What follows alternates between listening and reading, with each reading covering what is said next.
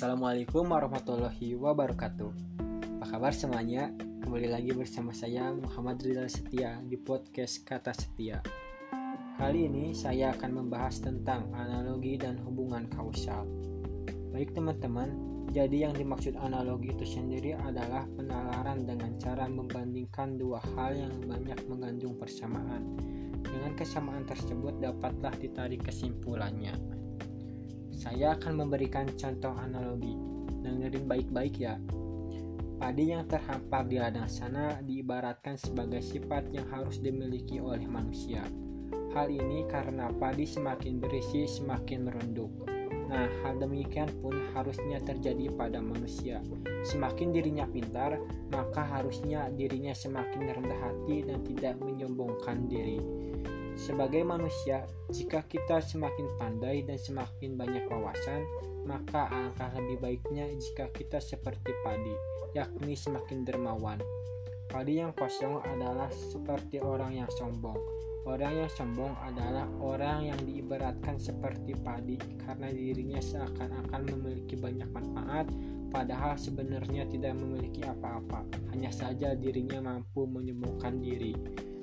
Maka dari itu, sebagai seseorang yang memiliki kepandaian dan akal sehat, maka ada baiknya kita hidup seperti padi, semakin berisi, semakin merunduk.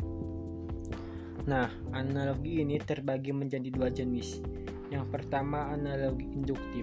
Analogi induktif adalah analogi yang disusun berdasarkan persamaan yang ada pada dua fenomena, Kemudian ditarik kesimpulan bahwa apa yang ada pada fenomena pertama terjadi juga pada fenomena yang kedua.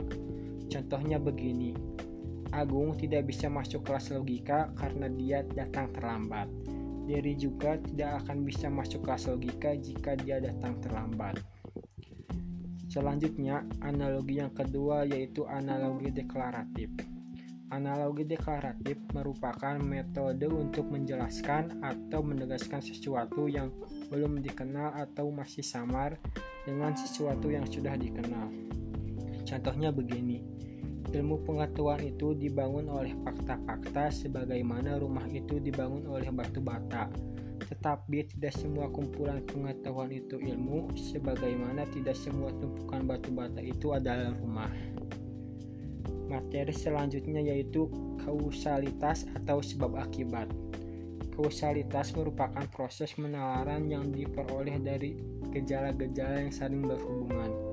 Ada tiga jenis kausalitas. Yang pertama, sebab akibat. Sebab akibat ini berpola A menyebabkan B. Contohnya begini. Alda tidak sarapan terlebih dahulu ketika berangkat kuliah Akibatnya, dia pingsan ketika berjalan menuju kelasnya. Lalu, kausalitas yang kedua yaitu akibat sebab. Sebab ini berpola dari akibat B. Contohnya, Zahra dihukum Pak Thomas karena datang terlambat ke sekolah. Dan yang terakhir yaitu pola sebab satu akibat dua. Maksudnya yaitu suatu penyebab dapat menimbulkan serangkaian akibat. Akibat pertama berulah menjadi sebab yang menimbulkan akibat kedua.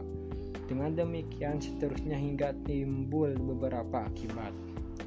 Contohnya, pasokan beras di pasar tradisional pun semakin lama semakin menipis, sehingga masyarakat yang kesulitan mendapatkan beras. Hal ini semakin mendorong pemerintah untuk melakukan impor beras dari negara tetangga dengan harapan masyarakat dapat terpenuhi kebutuhan pangannya selama menunggu hasil panen berikutnya.